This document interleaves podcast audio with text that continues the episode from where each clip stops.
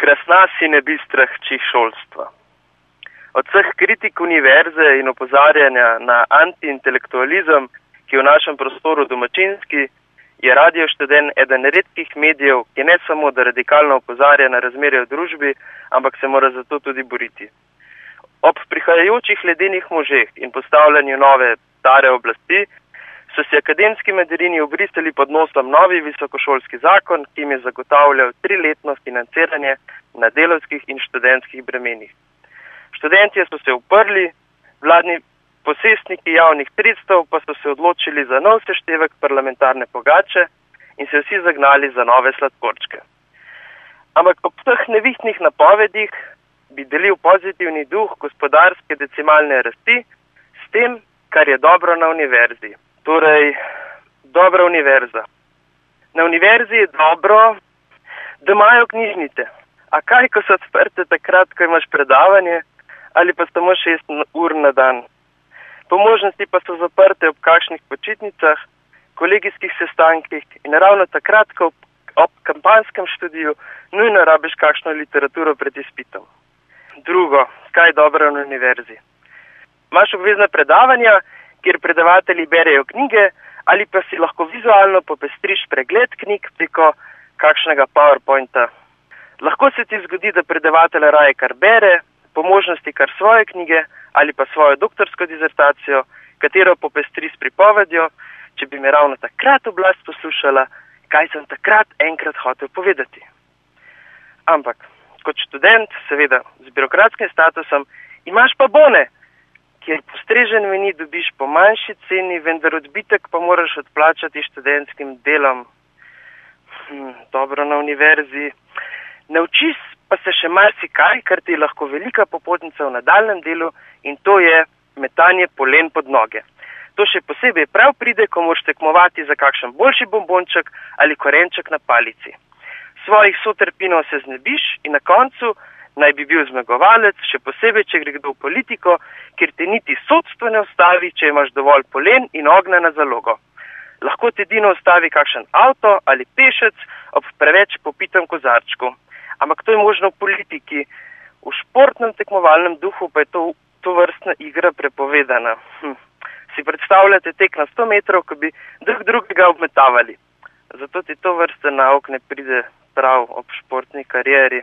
Lahko se pa naučimo skupinskega dela, imenovano tudi timsko delo, da ravno ne bi kdo koga prehitel. Vsi drug drugemu jamo kopljemo, nobeden vanjo ne pade. Mogoče ti to prav pride pri akademski karieri, če že kopljaš v politiki, ti univerzitetni stolček pristoji. Torej, kaj bi bilo še dobro na univerzi? O, pred kratkim smo imeli Škisovo tržnico, kjer ob obilici predstavitev in tržne ponudbe dobiš izkušnjo konzumacije nič čudnega. Če že moraš skrbeti za svoj rit, te trg zadovolji in ti vse prinese kriti. Mogoče še ena zadeva je dobra na univerzi. Hmm, to je najboljša povezava z gospodarstvom in to je študentsko delo. Na izbiro imaš več servisov, preko katerih lahko delaš, zaslužiš denar, delaš lahko karkoli, saj nisi vezan na rigorozno socialno zakonodajo, tako spoznavaš vse, um, vsa čistilna sredstva, ročne spretnosti, delovanje kopirnega stroja in po potrebi prevedeš kakšen tekst in zaradi fakultetne izobrazbe izpadeš pameten. Če temu ni dovolj, pa med predmetnimi vajami kot turist hodiš v dobre gospodarske obrate, če slučajno nisi bil med študentskim delom dovolj dober.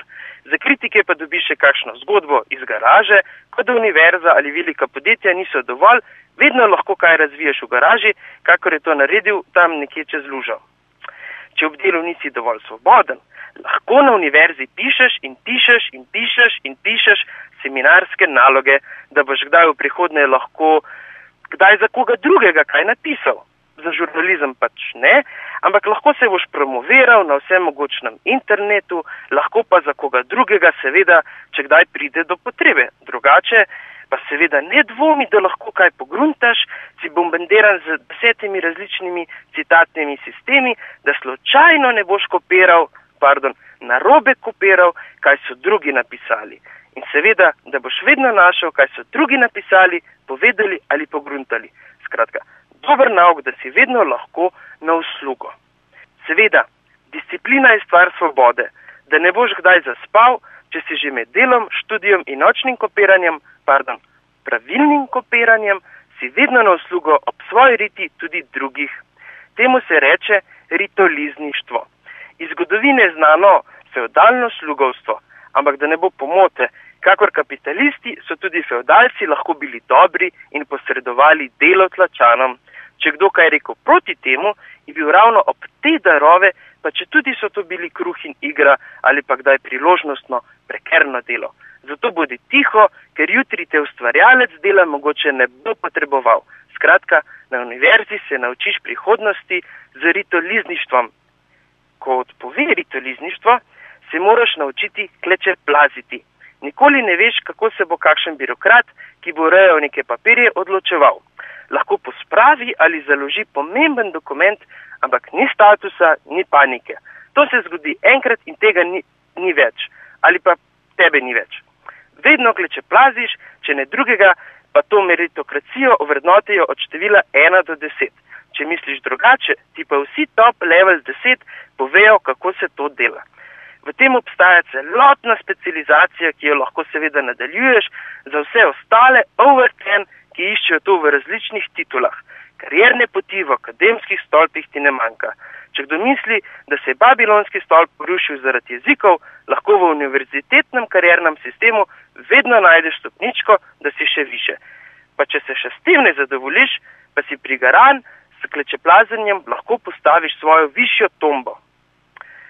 Naslednja dobra lastnost je spoznavanje ljudi iz različnih okolij.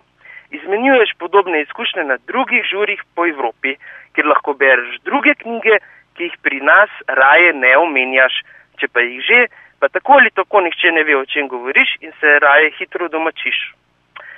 Lahko si del internacionalne skupnosti, kjer si izmenjuješ znanje, imenovano Wikipedija. Seveda, vkolikor pravilno kopiraš.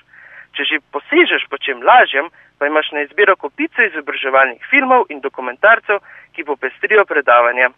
Spoznavaš razlike, ko poslušaš požrtvovalne kolege, ki reprezentirajo pomen lesenega pohištva in dobrih vplivov na okolje z lesenimi okni, vmes pa ogleduješ ravno novo montirana plastična okna, financirana iz evropskih sredstev za razvoj. Na avtomatih preizkušaš genetsko predelano in instant hrano, ravno ko zagovarjaš ekološko pridelavo v nalogi. Na kratko, preizkušnja ekstremnega preživetja.